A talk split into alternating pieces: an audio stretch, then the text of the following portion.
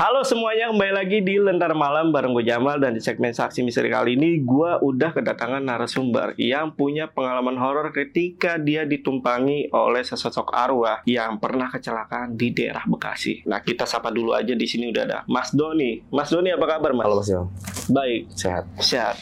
Alhamdulillah. Mas ini gimana bisa lu ditumpangin oleh sesosok arwah yang pernah kecelakaan di daerah Bekasi ini? 2009 mah. Oh, tahun 2009. Tahun 2009 kerja- kejadiannya dan itu malam Senin di daerah Kartini, Poncol, perempatan Poncol berarti ya itu ya. Oke, ini berarti Mas Doni ini eh, bener-bener nanti pas cerita ngasih tahu wilayah di daerah Bekasi nih, Iya, betul. Secara detail nanti. secara detail. Jadi orang-orang Bekasi itu tahu ya rata-rata. ya? nah, harusnya pasti nggak sih Hmm. daerahnya. Tapi nggak ada masalah ini ya, Insya Allah nggak ada. nggak ada masalah Insya ya. Allah ada. Karena itu cuma wilayah aja ya. Ah, ah, ah. Oke, oke, yang penasaran simak videonya sampai habis. Tapi sebelum itu, buat kalian yang pengen jadi narasumber di Lentar Malam sama seperti Mas Doni, kalian bisa langsung aja DM ke Instagramnya Lentar Malam yaitu ada di @lentarmalam.id dan jangan lupa juga untuk mampir ke Spotify kita. Itu ada di Lentar Malam Podcast Horror. Untuk semua linknya gue taruh di deskripsi. Yaudah buat kalian yang penasaran sama cerita lengkap dari Bang Doni, tonton video sampai habis dan tanpa basa-basi lagi. Saksi misteri, kita mulai.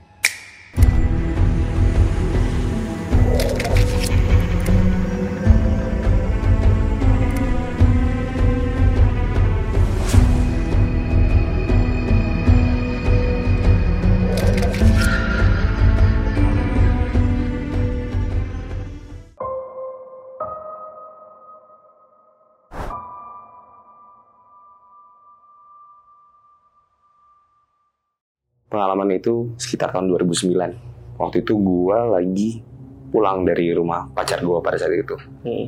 kejadian itu kurang lebih setengah 12 malam gue coba buat lewatin karena gue dari arah Rawa Panjang itu di pertigaan Bani Saleh tepatnya itu kalau nama daerahnya mungkin banyak orang bilang Poncol ya daerah Poncol nah di situ kan ada lampu merah tuh ketika lo kalau tahu di Bekasi itu kalau lo ke kiri itu ke arah Giant ke kanan ke Bani Saleh ke bawah turun ke arah Kartini Oke. Dan setengah 12 malam itu memang itu malam Senin kondisinya.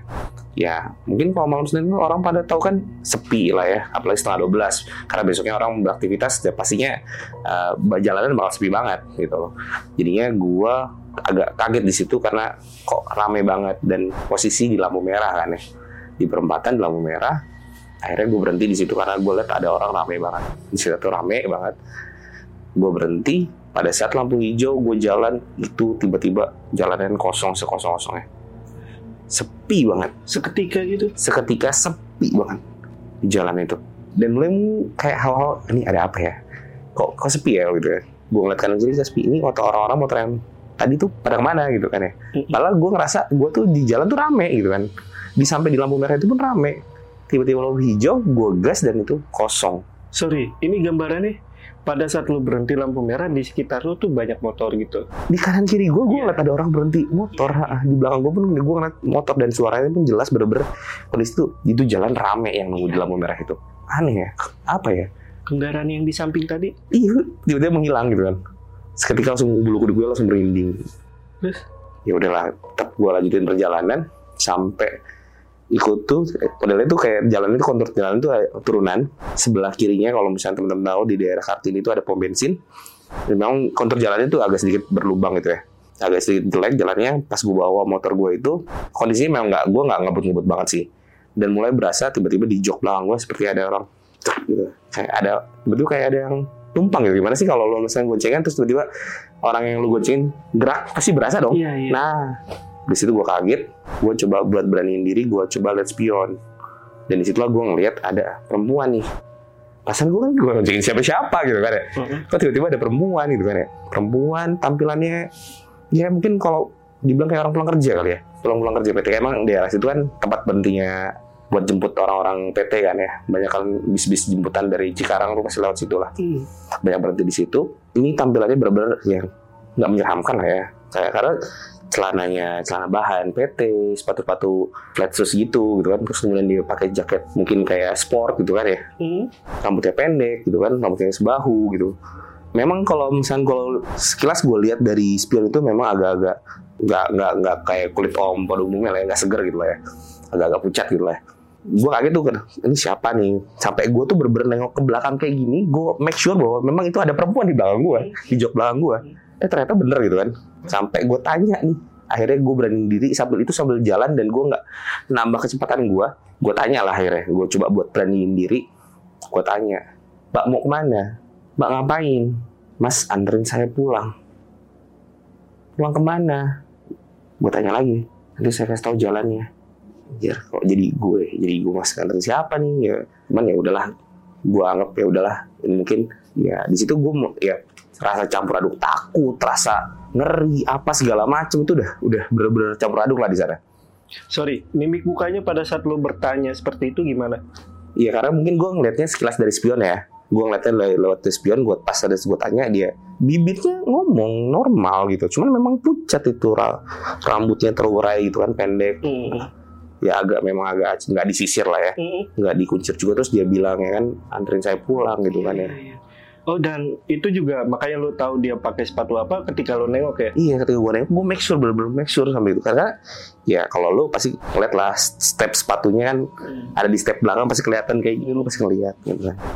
Lanjut. kayak gitu akhirnya gue langsung Yaudah, akhirnya gue beraniin buat nganterin pulang dengan rasa campur aduk takut dan segala macam ya akhirnya gue anterin dia pulang dan di situ sebenarnya waktu tuh berasa cepat banget. Waktu tuh bener-bener kayak memang sepanjang perjalanan itu gue sih nggak terlalu banyak ada interaksi karena karena gue pikir ya udahlah gue anterin searah yang penting gue arah gue pulang lah. Hmm. gitu kan ya. Jadi interaksi-interaksi yang berlebih tuh menurut gue juga gue karena gue juga masih nggak yakin ini sebenarnya apa gitu kan ya.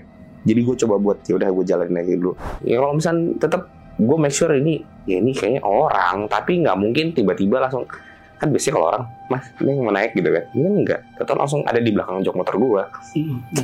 jadi akhirnya udah gue anterin. Dan itu waktu berasa bener-bener cepet banget. Bener-bener cepet singkat banget. Dan gue sampai itu nama daerahnya namanya radar. Nama daerahnya radar. Itu kalau mungkin teman-teman orang-orang Bekasi itu pasti paham lah. Bekasi Tambun ya khususnya orang-orang Bekasi Kabupaten lah ya. Hmm. di situ juga udah sampai nama ada nama kuburan namanya Sari Benda. Apa? Sari Benda. Sari benda. Sari Benda itu kayak kom- komplek pemakaman umum tapi memang itu yang gue tahu emang makam-makam tua lah Hmm. sampailah di situ itu masih ada sebenarnya masih dan dia tiba-tiba udah sampai situ dan dia interaksi balik lagi ke gua dia nanya lagi mas mau dianterin pulang nggak Hah? Oh, jadi dia yang mau anterin gua pulang Iya.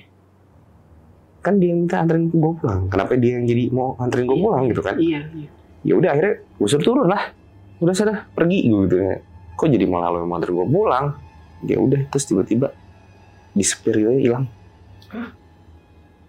dan di situ baru gue ini wah iya udah sih, ini memang bukan orang deh kayaknya deh gitu kan.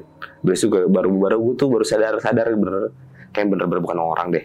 Karena tiba-tiba ngilang gitu aja. Gak ada jejak apa pun maksud itu kalau misalnya orang habis turun dari motor. turun berasa ya. Berasa. ini tiba-tiba motor gue enteng hilang gitu aja. Dan gak ada dia yang lihat jalan gitu ke mana? Gak ada bener-bener hilang. Pas di depan gue depan pintu kuburan tadi tuh. Hmm. komplek pemakaman sari benda itu. Anjir lah. Gue selalu merinding gue sih kalau sih gitu sih. kalau di posisi lo juga merinding sih. Habis itu gimana tuh? ya udah lah, akhirnya gue coba buat lanjutin perjalanan karena masih kurang lebih masih ada sekitar satu kilo lah mau ke rumah gue memang itu memang jalur pulang gue memang. Pasti gue pasti lewat situ gitu kan ya bisa lewat situ. Gue lanjutin perjalanan sampai di tikungan kalau itu 2009 masih sepi banget. Mungkin temen-temen ya pun temen-temen pada tau lah Bekasi 2009 daerah situ hut kayak kebun mulu bang. Nggak ada nggak kayak sekarang lah. Iya. sekarang mungkin rame lah jam-jam segitu lah ya sekarang sepi buat dulu tuh. Sampai di tikungan itu motor gue tiba-tiba bocor bannya bang. Goyang kayak gimana sih kalau orang bocor? Goyang gitu kan ya. Pas bocor itu akhirnya gue turun gue cek bener ban belakang gue bocor. Dorong lah gue dan di situ udah perasaan gue dicampur aduk. Anjir kok apes amat sih ya kan? Nganterin cewek bukan yang seneng malah malah Iya. busuk ya kan? Akhirnya gue dorong sampai gue ngeliat di depan itu ada tukang tambal ban bang. Ya gue nambel dong ya kan? Bang nambel biasa biasa gue nambel motor gue gue ngeliat motor gue dibongkar ban gue dibongkar apinya dinyalain lah kalau nambel ban Iya. ya kan? Gue bayar tapi pada saat gue bayar itu abang itu ngomong abis dikerjain ya mas dia dia ngomong gitu mas habis dikerjain ya? Iya nih suwe banget. Eh, apes gue Hmm. jalan lah gue lagi jalan sampai di rumah buka pintu sebenarnya normal nyokap ternyata udah nunggu depan pintu. Dan dia nanya dari mana kok jam segini baru pulang? Gue tanya emang jam berapa bu? Setengah tiga. Berarti dari setengah 12 malam sampai setengah tiga pagi gue diputerin ke mana gitu kan ya. Iya. padahal itu jaraknya dekat banget apalagi jam segitu udah malam pasti cepet lah selambat-lambatnya lo bawa motor 2, 30 km sampai 40 juga pasti cepet banget sampai ke sampai setengah jam lo bakal sampai rumah lah mm-mm. kalau lu di posisi gue gitu ya. Dan ini kok sampai setengah tiga pagi.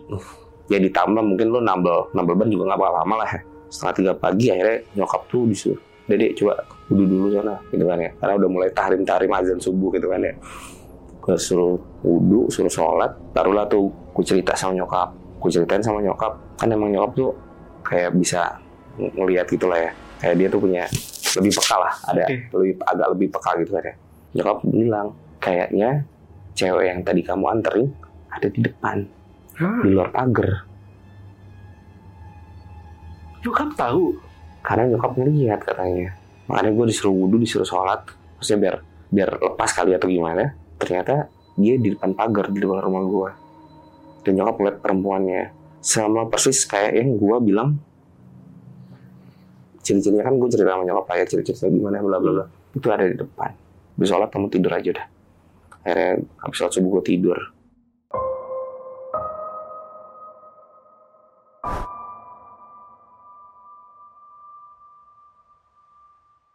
Ya gue ngerasa ya udahlah gue mungkin malam itu gue apes lah ya. Mm-mm. gue nongkrong dan gue cerita sama temen-temen gue gitu kan ya. Gue cerita sama temen-temen gue juga pun wah lu parah sih parah sih pada gitu kan ya. Sampai ada salah satu temen gue yang dia jadi operator warnet di depan komplek tukang tambal ban itu. Di Bumi Anggrek nama- di nama kompleknya Bumi Anggrek kalau nggak salah. Dan gue jaga jadi OP warnet balik jam segitu nggak pernah ngeliat tukang tambal ban.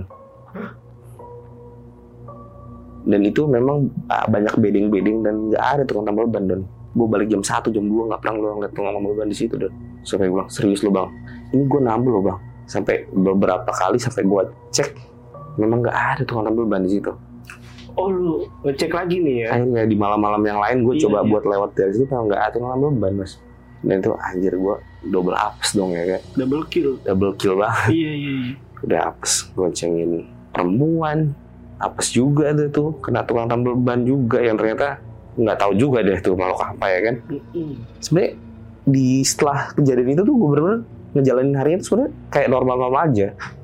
Sampai akhirnya di suatu malam tuh gue kayak lu pernah ngerasain apa nggak sih bang? Pernah sering gua. Gue pernah ngerasain harapan itu si sosok perempuan itu lagi dan itu sampai terasa rambutnya di muka gue dan gue kayak langsung liatin kayak gitu depan muka gue dan itu nggak sekali dua kali kayak gue jadi kayak sering lihat sosok situ situ perempuan tuh di yang tadi sudut kamar gue yang entah di mana gitu kan ya. Entah kalau gue lagi jalan lu tiba-tiba jadi berubah jadi kayak orang yang lebih peka loh Mbak. Mm-mm. tiba-tiba ngelihat tiba-tiba ngelihat tiba-tiba ngelihat gitu. Sering banget jadinya. Sampai ya cukup ganggu lah. Ya, akhirnya gue ngerasa agak annoying gitu kan ya. Wah anjir ganggu banget nih gitu kan. Ngobrol sama nyokap sampai nyokap bilang coba sholat apa yang namanya ibadahnya dibanyakin lagi gitu kan ya. Coba kamu jangan jangan ditinggal ibadahnya gitu kan ya. Tapi ya semakin semakin sering juga gue ngeliat dia gitu loh. Ada apa sih nih? gitu kan ya. Kenapa sih? gitu kan. Apa jangan-jangan ada sesuatu gitu kan ya kan biasanya ada orang kalau lo ketemu gituan lo apes atau mungkin lo mau dapet apa sesuatu gitu kan ya. Sampai akhirnya gue sampai agak nggak bisa tidur saking gue nggak bisa tidurnya sampai gue meriang gitu kan ya. Setiap gue mau tidur setiap gue mau merem pasti gue rep-repan setiap tidur rep-repan lagi gitu kan ya. Sampai akhirnya nyokap tuh bilang coba deh kali kamu udah rukyah aja deh. Siapa tahu nanti ada bisa jadi lebih baik atau bisa jadi ketemu solusinya gitu kan ya. Karena annoying lah bang. Pasti lu gimana sih? Lu jadi kayak digangguin terus. Iya. lu Paham, ke mana? Lu ngeliat lu ke mana? Lu ngeliat lu ke mana? Lu ngeliat. Lu tidur lu di rep-repin akhirnya gue di ya sama adalah salah satu ustadz di daerah rumah gue setelah di rukiah itu memang sih lebih lebih kayak after rukiahnya gue tuh sempat pingsan. Sempat gak sadarin diri lah. Sempat gak sadarin diri. Setelah bangun memang jadi lebih enteng Mm-mm. gitu kan ya. Baru dari situ si ustadznya itu cerita sama gue ini perempuan ini sosok suka sama gue bang. Anjir kayak nggak ada yang lain aja sih yang suka sama lo gitu kan. Mm-mm. kenapa sih gituan ya kan. Terus gue tanya kok bisa kok bisa sih Ustadz? Gitu kan. Ya beliau jelasin itu dia beliau cerita bahwa gue ini mirip sama cowoknya. Ah. dan dia itu dari keterangan ustadznya ya, dia itu korban tabrak lari di perempatan Kartini situ bang di Poncol itu Oh, yang lu berasa Awal, sepi itu ah, ya.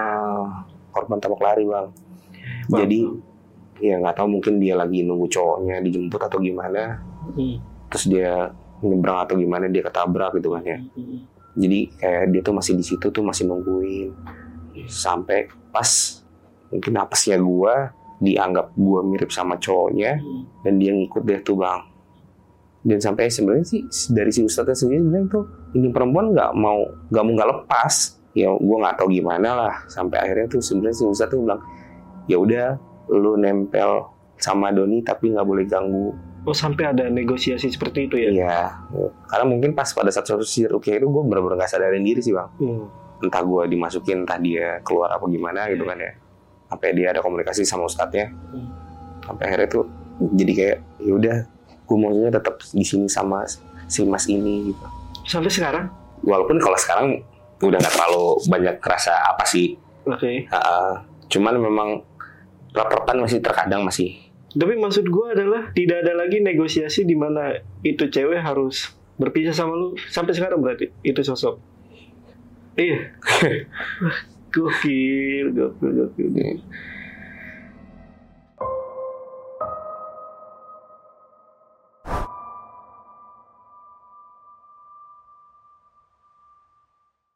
Gue akhirnya mencoba buat berdamai sama diri sendiri sih. Mm-mm. ya udahlah.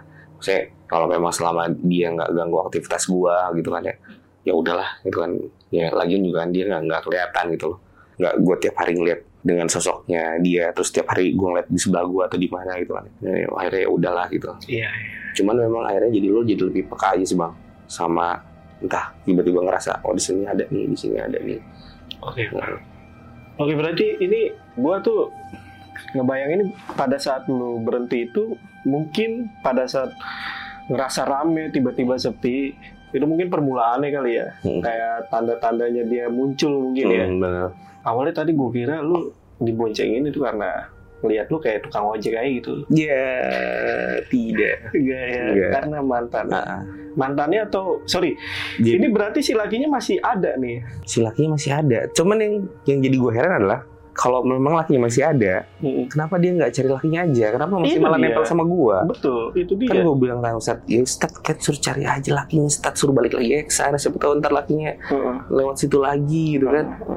Kok malah lebih nempel sama gue? Iya itu kenapa tuh? Pak Ustadz tuh yang ngomong nggak jawabannya? Iya, Ustaznya bilang ya, auranya kamu bikin si perempuan ini tenang. Hmm. Tapi kan ya nggak perempuan yang begitu juga dong. Iya iya benar. Gak ada perempuan yang lain gitu kan ya. Eh, perempuan yang lain ya udahlah. Tapi dikasih tahu nggak tragedi si perempuan ini itu di tahun berapa kecelakaan? katanya sih menurut dari keterangan Ustaz sih baru jadi memang nggak lama berarti masih fresh banget nih arwah nih Gitu. kalau kita boleh sebut arwah ya Hmm, masih fresh banget makanya kenapa dia sampai nyari gitu sampai nempel ke gua kali ya hmm. mungkin mungkin ada kali sekarang Dan menurut lo ya kesalahan lo apa nih kesalahan? Mungkin lo sebelumnya ngapain gitu, habis ngapain gitu. Nggak perlu jelasin kali ya Tapi ada nggak, ada nggak, ada nggak kesalahan lo menurut lo pada saat sebelum yang ke lampu merah atau pas pulang itu? Ada nggak? gue sih ngerasanya sampai hari ini sih gue ngerasa nggak ada lah Nggak ada. nggak ada sih ya Yakin? ya karena lo habis ke rumah cewek lo bang Hah? ya kalau lo habis ke rumah cewek lo Oh, lo habis ke rumah cewek lo. Iya, gue habis ke rumah cewek gue, nganterin dia pulang gitu kan. Terus ngapain? Iya pacaran, Oh, pacaran. makan, Iya. iya nggak sih, makan, Hmm. ya kan, bersenang-senang, Bersenang-senang. Bersenang-senang. Oke, oke lah. Nah, Pokoknya ada bersenang-senangnya. ada bersenang-senangnya. Biasanya habis bersenang emang harus mandi ya harusnya. ya? Iya harusnya. harusnya mandi. Mandi besar. Heeh. Kok jadi mandi besar? jadi mandi besar. Jadi Oke. nempel gitu. Iya iya oke oke. Nah ini gue penasaran deh, lu punya cerita soal Rukia nih. Hmm. Gue pengen tanya nih, rasanya di Rukia itu kayak gimana sih? awal-awal pertama kalau lu di Rukia tuh kayak kayak pusing ya, tiba-tiba badan lu enteng gak sih? Oh gitu. Iya, kayak orang tiba-tiba kayak lu melayang, Eh, eh, eh, kayak kayak orang orang gontai mungkin kayak habis eh, eh, lemes gitu. lemas gitu kan, terus tiba-tiba ya karena gue langsung Bisa. pingsan, jadi gue gak tahu. Dia sempat melihat gerakan-gerakan si Ustadz ya guys. Enggak. Oh enggak. Karena dia juga cuma dia cuma megang kepala gue doang udah gini Ah. aja sambil dibacain gitu Terus doang. diginiin. Enggak, Oh, enggak tahu. Oh enggak tahu enggak. Tahu. Tiba-tiba dipegang kepalanya dan gue mulai pusing dan udah tiba-tiba hilang gitu aja gue. Eh tapi di Rukia pernah ada kesalahan nggak ya? Misalkan yang cabut gitu, tau-tau dia nyabut nyawa gitu, bisa? dia jadi Grim Reaper ya. jadi Grim Reaper dong. Jadi malaikat mencabut nyawa. Rada serem itu. Ustadz apa? Apa? Apa? Apa? apa? Kok jadi nyabut nyawa? Waduh. Salah cabut gitu ya. Mau nyabut arwahnya malah nyabut arwah orangnya gitu kan. Israel. Israel. Bu maaf ya bu saya salah cabut. Gak bisa dibalikin lagi. Aduh, aduh, aduh. Itu intermezzo ya guys. Nah, selain ibu lu ya, bang, lihat sosok wanita ini, itu ibu lu sempat digangguin gak sih sama sosok ini? Dan lu kan juga kan satu tempat tinggal kan sama Hmm. ibu pada saat Iya. itu. Gimana? Ada gak? Kalau nyokap sih bilangnya, dek ini perempuan ada di kamar kamu. Ibu pernah lagi bersih bersihin. Ibu ngeliat ada perempuan itu di kamar. Tapi gue nggak tahu sih, maksudnya nyokap nih juga nggak coba buat interaksi apa gimana. Cuman nyok- mungkin nyokap ngeliat dan ngasih tahu sih. Keluarga yang lain, ada yang pernah lihat juga sosok ini? Jadi pas kita lagi pulang keluarga keluarga pulang kampung, gue coba ngajak teman-teman gue buat nginep di rumah gue. Karena tanggal rumah gue tuh letter L gitu bang. Mm-mm, mm-mm, Tanggal letter gue letter L. Dan kita semua anak-anak tuh nginep di atas di ruang TV. mm-mm. ruang TV itu kita ngampar di sana ini cerita temen gue sih cerita lebih tepatnya jadi temen gue itu pas dia mau turun karena kamar mandi cuma ada di bawah kan ya akhirnya dia turun baru turun dua anak tangga di anak tangga kedua paling bawah dia ngeliat perempuan itu Hah? tapi lagi mainin rambutnya akhirnya dia mundur lagi pelan-pelan terus dia tidur besokannya dia baru cerita sama gue Serius? Eh, Gokil. semenjak itu dan, dan gue skip dan nginep di rumah lo lagi Kejadian yang temen itu udah selang berapa lama tuh? Dari kejadian awal aja deh. dari kejadian awal ya di tahun yang sama pas menjelang Idul Fitri berarti beberapa bulan kemudian lah Sesudah Rukia? sebelum Sebelum Rukia? sebelum oke karena memang jeda dari gua kejadian itu sampai gua di Rukia itu memang agak lama Berapa bulan atau berapa tahun? adalah be- beberapa bulan lah sampai akhirnya setelah finalnya gua kan ada teman gua laporan kayak gitu terus gua udah bener-bener ngerasa terganggu gua akhirnya laporan sama nyokap udah udah udah kita pastiin kamu di Rukia aja lah Iya, iya. karena ini udah mulai ngeganggunya ibaratnya udah serumah juga udah berarti dia udah ikut ikut tinggal di rumah ini juga kan gitu 2009 ini ya? itu 2009 kejadiannya pas gue masih SMA kelas 3 berarti Bekasi. di Bekasi Tambun. kota Bekasi bukan Kabupaten Bekasi Bukan kabupaten ya, Bekasi. for your info aja nih FYI ini ya yang dibilang planet lain itu Kabupaten Bekasi bukan kota Bekasi Oh gitu. iya Kalau Tambun apa tuh gimana? itu yang disebut planet lain itu itu Ini kita lagi ngecengin Rara ini nggak tinggal di Tambun ini. Iya kan? Kalau kota Bekasi enggak, kota Bekasi itu udah metropolitan kok. Di Jakarta is banget lah. Asik. Di Jakarta. Ada pembelaan. Kalau Kabupaten Bekasi iya, karena banyak truk, banyak Tambun, gua taunya banyak pasar. banyak pasar, udah. Pasar bulu, Pasar. kiri pasar. Pasar ya, pasarnya Iya. tumpah-tumpah ke jalan bikin macet. Iya, buset. bukan gue ya warga tamu bukan gue ya ngecengin sorry Mas Doni Maksud Kota Bekasi Pride, Kota Bekasi Kota Bekasi Pride, Kalau Rara Tambun Pride Tambun Pride. Sampai KTP-nya Rara dusun nih desa bang, desa bukan dusun bang, desa bang, Sorry Rara desa, desa yang bangun jaya, Iya kan? Iya. Desa. Kalau kelurahan, Tapi gue kebayang 2022 aja pemandangan Tambun seperti itu. Nah, gimana 2009 di Gimana kala itu 2009 gitu. Heeh. banyak pohon-pohon. Rawa sih. Iya, Makanya ada kebun-kebun. nama nama daerah Bekasi Gabus kan? Iya, kan namanya banyak rawa-rawanya. Iya. Rawa kalong, Oh gitu. rawa buaya, rawa semut. Rawa semut ada kan Ray, ya? Rawa semut. Kampung Gondrong tahu gak lu? Kampung Gondrong. Itu di mana, Bang? Kampung Gondrong. Itu semua warganya gondrong maksudnya. Kalau nggak gondrong Ada lagi, gondrong Bang. bawah lagi. Kampung Cerewet tuh. Nah iya itu kemarin tuh ada, Ada itu ya? kota Bekasi tuh. Eh terakhir ini Kampung Semut ya?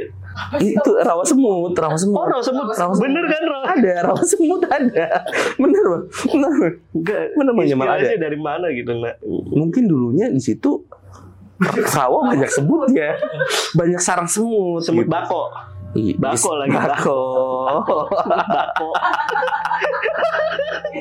semut bako. Aduh, aduh. Gigitnya sakit banget. Iya, sakit banget anjing. Bengkak, bengkak.